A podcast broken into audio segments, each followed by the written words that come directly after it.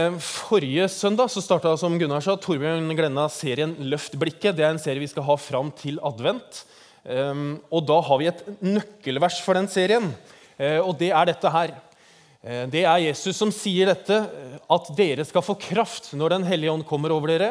Og dere skal være mine vitner i Jerusalem og hele Judea, i Samaria og like til jordens ender. Og så er Den talen i dag den er litt sånn del én av del to, for det kommer en del to neste søndag. Så de to talene her henger på en måte sammen. Eh, det er liksom skrevet i ett. på en måte. Eh, så kom jeg neste søndag, så får du liksom med deg, med deg slutten også av det jeg har tenkt å si. Eh, dette sier jo Jesus Det er noe av det siste han sier til disiplene før han reiser opp til himmelen. Han har jo gått på jorden i 33 år og vært sammen med disiplene en to-tre år. og Så har han dødd på et kors på Golgata og stått opp igjen. Eh, og Så har han vist seg for disiplene og vært sammen med dem, og så reiser han opp til himmelen. Og da, Det siste han sier før han reiser, er dette. og jeg tenker Da er det viktig. Men dere skal få kraft når Den hellige ånd kommer over dere. Og dere skal være mine vitner i Jerusalem, hele Judea, i Samaria og like til jordens ender. Og så tenker jeg, hva er Det tre ting jeg lurer på i denne talen. Det første er hva er denne kraften for noe? Hva er det? Det andre er hva betyr å være Jesu vitner? Og det tredje er hva i all verden er Jerusalem, Judea, Samaria og like til jordens ender? Jeg tenkte jeg skulle begynne med det siste. Og da skal vi ha et kart eh, som ser sånn ut. Og det tror jeg dere ser, faktisk. Og det er jo Jeg skal bruke laser òg, vet du. Eh, for Jerusalem ligger jo her, omtrent. Dette er Judea, og Samaria er der. Og jordens ender har vi ikke bilde av. Eh, men hva er Jerusalem? Altså, Jerusalem blir jo kalt for fredens by, eller fredens eiendom. Den kalles også for Guds by og rettferdighetens by og den hellige by. og Det er også noen som kaller Jerusalem for Guds løve. Synes jeg er litt festlig. Eh, men det ligger jo da på 800 meter over havet, Jerusalem, omgitt av ulike dalfører, tre stykker. Og så er Jerusalem på Jesu tid var delt i to, med en østlig del og en vestlig del og en dal som gikk gjennom. Og så var det murer i nord og murer i sør, eller én i nord og én i sør. Og i år 40 etter Kristus så bygde de en mur til nord for å binde sammen eh, disse, altså den nye og den gamle delen. Eh, og så er jo Jerusalem er jo sentrum for Jesus' virksomhet. Det er jo her han mye er. Det er her han dør, det er her han står opp igjen. Eh, og det er her disiplene får eh, den hellige ånd på pinsedag. Og så sier man det at Jerusalem er den første kirkes mor, for det er liksom her alt starta, og gikk ut ifra Jerusalem. Eh, og Når Jesus sier at dere skal være mine vitner i Jerusalem, så handler det jo om at det er der de bor, det er der de er, det er der de oppholder seg. Og det er deres nærmiljø. Judea altså, Der gikk jeg litt fort fram. Judea det er jo det området her. Eh, og hvis du leser, Det er ikke sikkert du leser så veldig mye om dette, men den greske formen for Judea det er Juda. og derfor Når man leser, så kan man bli litt forvirra. Er det Juda eller Judea? Men det er det samme. Eh, men det er jo den gresk-romerske betegnelsen på det området som israelittene kom til etter at de kom fra Egypt. Moses var jo, Israelsfolket var jo 400 år i Egypt så var Moses 40 år i ørkenen. Og når israelsfolket gikk inn i det lovede land, så bosatte de seg da i Judea, det området litt sør i Israel. Og Der er det jo mange store byer, fordi det er et område, og det er Jerusalem er der, og Betlehem og, eh, og mange andre byer. Samaria derimot er litt annerledes, for det ligger i nord. Det ligger jo her. Eh, og hva er spesielt med det? Det er eh, at i 722 før Kristus så blir israelsfolket tvangsflytta til et land som heter Asyria. Eh, så da blir det på en måte tomt. Og så er det en asyrerkonge som tvangsflytter ulike folkegrupper til dette området, bl.a. fra en by som heter Babel. Og Derfor blir Samaria et område hvor det bor et blandingsfolk. Det er liksom ikke én gruppe, det er et blandingsfolk med mange forskjellige eh, religioner og, og, mye forskjellige typer grupper. Og I Samaria så har man den historien om den barmhjertige samaritan eh, som kommer derfra. Eh, men disse gruppene som bor i Samaria, de dyrker ikke Israels gud, altså jødenes gud. Eh, og Derfor så blir det og på mange årsaker så blir det et kjøligere forhold mellom eh, samaritanere og jøder. Det var jo sånn At, som, eh, at samaritanerne fikk ikke lov til å delta i tempeltjenesten i, i Jerusalem. Og jøder fikk ikke lov til å gifte seg med samaritanere. Og Det var mange ulike bestemmelser for dette samaritanske folket. Det var på en måte, når, når, når jødene skulle til Galilea, som de ofte var Når du leser i Nyttestamentet, ser du at de reiser til Galilea, så gikk de ikke gjennom Samaria, men de gikk rundt. For de kunne ikke gå gjennom Samaria. Og Den eneste som vi kan lese om i Nytestamentet som går gjennom Samaria, det er Jesus. Og Vi kan lese en historie om at han kommer til en by som heter Sykar. og Så møter han en kvinne ved en brønn som han gir vann. Og Så er de der i to dager sammen med disiplene. og Det var jo kulturkollisjon i, liksom, i alle typer varianter som skjer der. Og, eh, så Samaria var et land som man på en måte, man, man, man, visste at de var der, liksom, men man ville helst ikke ha noe med de om å gjøre. Men så er det egentlig først ved da utsendelsen som Jesus gir dette, dette, denne befalingen til disiplene om at de skal forkynne evangeliet i Samaria. Eh, og så er det ikke ofte at Jesus gir befalinger. Han sier om at vi skal gå og døpe og forkynne evangeliet som en befaling, og så skal de forkynne evangeliet i Samaria. Eh, og Det betyr at det betydde mye for Jesus. Jordens ender, dere, det vet jo vi hva er. Den for jorda er jo er jo ikke flat, sånn som de trodde på den, den, den, på den tiden. Men det som jeg tenker som, når disiplene får høre dette, så er det såpass svært at de skal gå til jordens ender, at kanskje ikke de tenker at det er noe mer Altså, det er Romerriket. Og Romerriket er det som er på en måte oransjebrunt på bildet. Det er Romerriket på disiplenes side. Eh, og det er kjempesvært. Så når de får høre at de skal gå til Jerusalem, til Judea, til Samaria og til jordens ender, så er det kjempesvært, en kjempesvær oppgave. Og så tenker jeg at av og til når vi eh, hører dette eh, bibelverset her, at dere skal få kraft når Den hellige ånd kommer over dere, og dere skal være mine vitner i Jerusalem, Judea, i Samaria like til jordens ender, så er det fort å tenke at dette, Jesus, dette sier du som en prioritert rekkefølge. At først så skal vi innta Jerusalem, så skal vi gå til Judea, så skal vi gå til Galilea, og hvis vi har tid og krefter, liksom, så går vi til jordens ender. Det er jo sånn du måtte mene det. sant? Og så tror jeg at det er helt feil. For jeg tror at Hvis det hadde vært en prioritert rekkefølge, så tror jeg Jesus hadde vært så smart at han hadde sagt det. Og det andre er at Når du ser hvordan disiplene tolker dette, de som tross alt er sammen med Jesus eh, og har vært i tre år, så tenker de 100% Jerusalem, 100% Judea, 100% Samaria og 100% jordens grenser. Alt på en gang, til samme tid. For Det er veldig lett å falle i disse grøftene at vi tenker liksom litt, sånn, litt her og, og, og, litt der, eller at vi gjør liksom masse hjemme, og så kan vi gjøre ute, eller så gjør vi bare ute, og så gjør vi litt hjemme. Mens, mens Jesus tenker 100 eh, overalt, til enhver tid, eh, når som helst. Og det er jo en svær oppgave. Og så tenker jeg, Hva innebærer dette for oss, eller for deg, eller for meg? Det er jo lett å si hva som er vårt Jerusalem. For det er jo her vi bor. Det er byen vår, kanskje. Det er familien vår. Det er liksom her vi er. Det er vårt Jerusalem. Skien. Eh, jordens grenser er jo om mulig enda enklere, i hvert fall for oss i et sånn menighetsperspektiv. For det er jo der ute. Det er Colombia, det er Kongo-Brazzaville, det er Sentral-Asia med Kina og Hongkong, og det er Polen og Romania. Det er liksom der ute. Og der jobber vi jo. Der har vi jo strategier og mål, og vi har folk som jobber, arbeidere der, som det heter. Og vi ber for områdene, vi tenker på det. tenker på stedet, Hvordan skal vi bety noe for Skien by? Hvordan skal vi liksom være gode i misjon der ute? Eh, vi har mål og strategier, og så engasjerer vi oss i det og har liksom hjertet i det.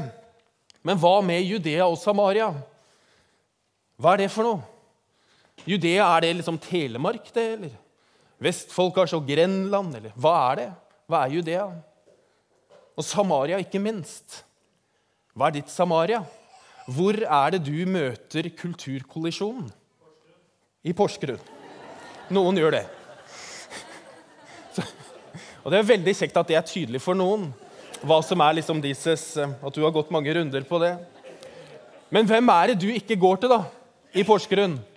Eller hvor er det du ikke vil gå? Hvem er det du går rundt som du ser? Hvem er det du helst ikke vil se, kanskje? Og hvem er det du ikke vil bli sett med? Hvem er det? Hvor er ditt Samaria? Hvem er det du ikke vil møte? Paulus, Silas og Timoteus de er på vei til Asia for å forkynne Guds ord, står det i apostelgjerningene 16.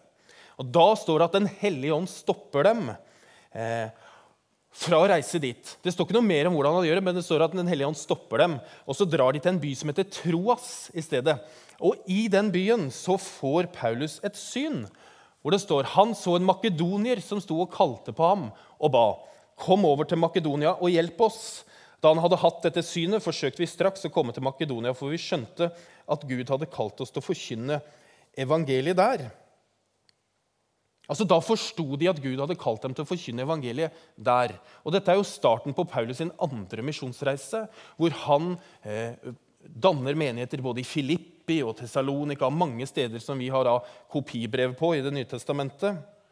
Og De hadde jo egentlig helt andre planer. Men så er det som Den hellige ånd stopper dem og sender dem et annet sted. Og så tenker jeg, Er jeg klar for en sånn avbrytelse fra Gud? Er jeg klar for å eh, lytte til det han sier? Eh, og høre når han taler? Er vi som menighet klare for det?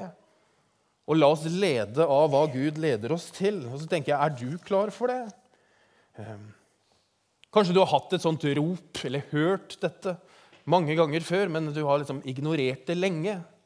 Eh, og så kan du tenke, men Det er jo helt tullete, Martin, for vi har jobba så mye med strategiplaner og mål. og Nå er liksom budsjettet på plass, og huslånet er på stell. og Økonomien går bra, liksom. vi har faste jobber, og Gud kaller oss ikke til noe sted som vi ikke vil. Han gjør jo ikke det. Gud kaller oss ikke til noe sted som vi ikke vil.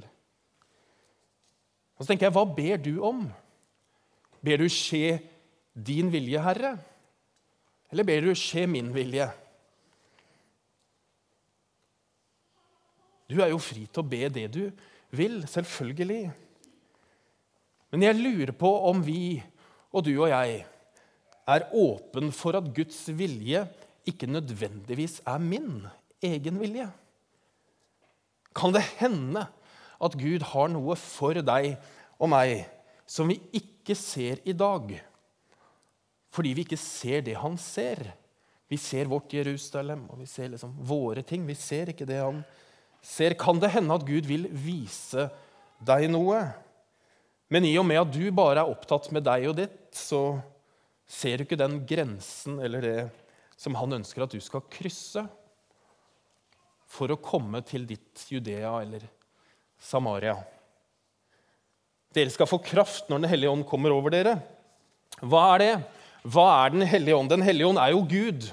Gud som er virksom i verden, som er i verden, og Gud som bor i oss som tror på Jesus. Eh, og Den hellige ånd den vil, han vil kommunisere med oss. Han vil veilede oss, han vil hjelpe oss, han vil tale til oss. Av og til så formaner han oss og styrer oss, men han vil tale til oss. Og Den hellige ånd hjelper oss til å bli bedre kjent med Gud og hans vilje for våre liv. Den hellige ånd hjelper oss til å be og hjelper oss til å forstå det vi leser når vi leser i Bibelen. Og Jesus sammenligner Den hellige ånd med vinden. Vinden blåser dit den vil. Du hører den suser, men du vet ikke hvor den kommer fra, og hvor den farer hen. Og slik er det med hver dem som er født av Ånden. Vi kan jo ikke se vinden, men vi kan merke det vinden gjør. I Lukas så står det en historie om ti spedalske menn som kommer til Jesus. Og så roper de 'Jesus, mester, miskunn deg over oss'. Og Vanligvis når Jesus møtte mennesker, så var han veldig nær, og så, og så helbreda han de liksom momentant. Det var veldig ofte det Jesus gjorde. Det Jesus gjør med de ti spedalske, er at han sier, 'Gå og vis dere for prestene'. Og så står det, 'Og mens de var på vei dit, så ble de rene'. Mens de var på vei til prestene.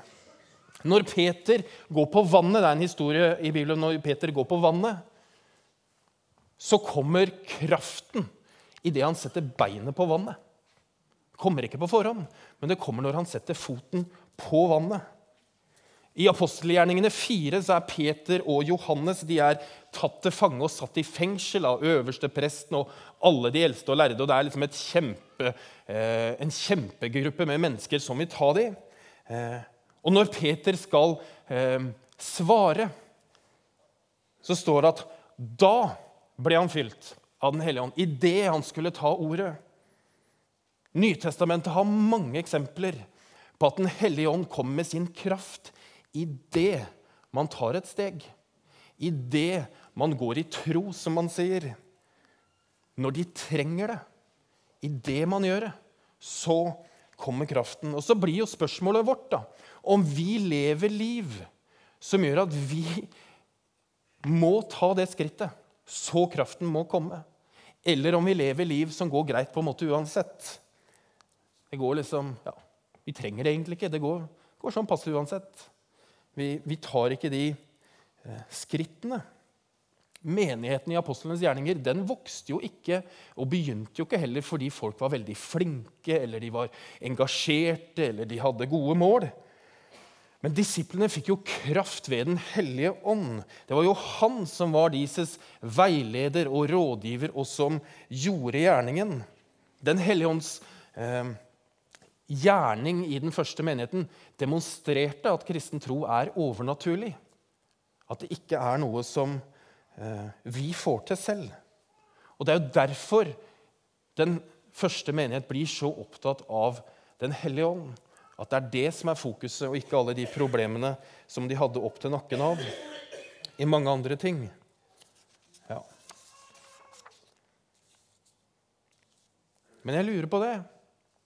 Om vi lever liv eh, hvor vi er avhengig av Guds veiledning og Den hellige ånd, eller om vi klarer oss fint på egen hånd. Så står det at dere skal være mine vitner. Og så sitter jo du nå i Skien misjonskirke. Kan hende du er her for første gang. ikke vært her før. Eh, og vi heter jo da misjonskirke. Og hva betyr det? Eh, å være en misjonskirke. Hva betyr misjon? Eh, misjon det er, et latin, eller det er jo ikke et latinsk ord, men det latinske ordet for misjon det er missio, som betyr sendelse. Eh, og nå er det mye å lære her, dere. Eh, og det er et eh, substantiv. Mens det adjektivet, altså det som substantivet gjør, det kaller man for misjonal. Og så er det en som heter Tormod Engelsviken, som har sagt at misjonal det er en kirke eller menighet som er karakterisert av å være sendt og av å sende. Hvis det høres vanskelig ut, så sier han det litt mer komplisert. For han sier kirken blir ikke misjonal ved å sende ut misjonærer. Men de sender ut misjonærer fordi den er misjonal.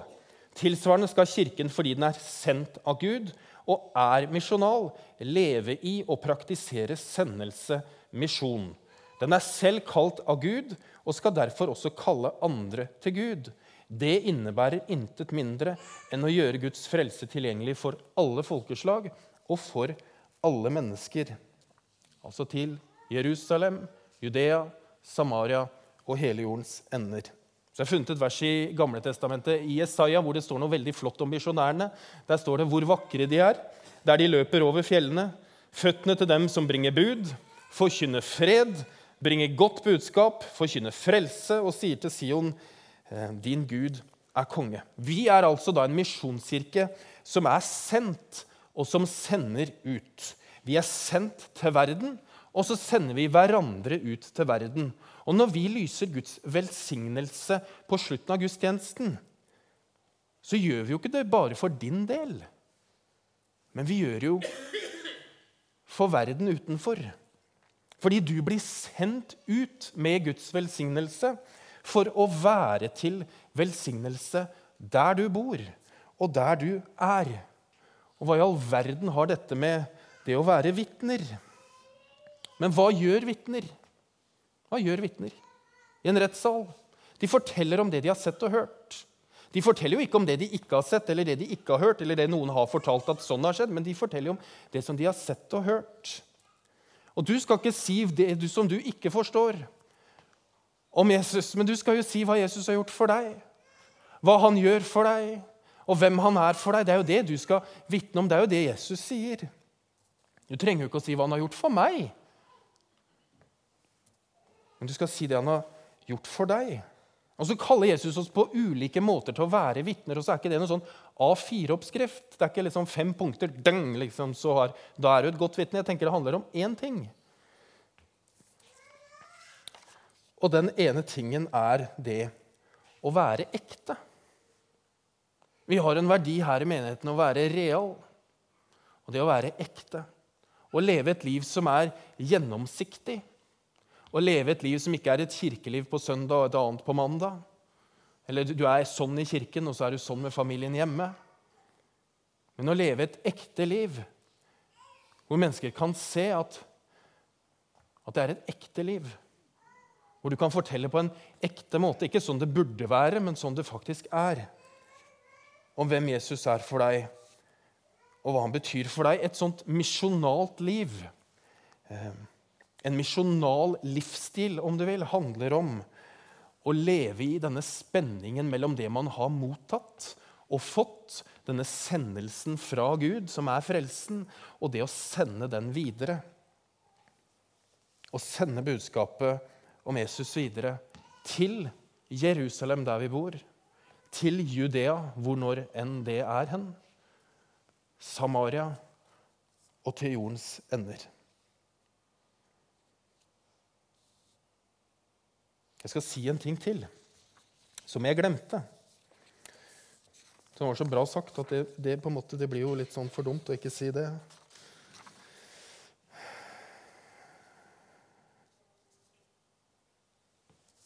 Jo, da finner jeg det ikke heller. Men det jeg skulle si om Fordi vi er en misjonskirke, så handler det ikke Det handler ikke om hvor langt du skal reise i livet ditt. Det handler ikke om lengden på reisen, om det er langt borte eller, eller om det er nære. Men det handler om å krysse noen grenser. Og For noen av oss så handler det om å reise til Colombia. Og for andres andre så handler det om å reise på den andre siden av gaten og gå inn der. Og så må du finne ditt sted hvor Gud hvisker til deg på en eller annen måte. Hvor skal jeg gå hen nå? Og Det vi ønsker med denne serien, det er at vi på en måte skal få løfta blikket bort fra vår egen, eh, våre egne greier fordi vi tror at vi kan gå glipp av hva Gud vil for oss og for våre liv, hvis vi bare ser til nesa. Fordi vi trenger å løfte blikket. Da syns jeg vi skal be en bønn.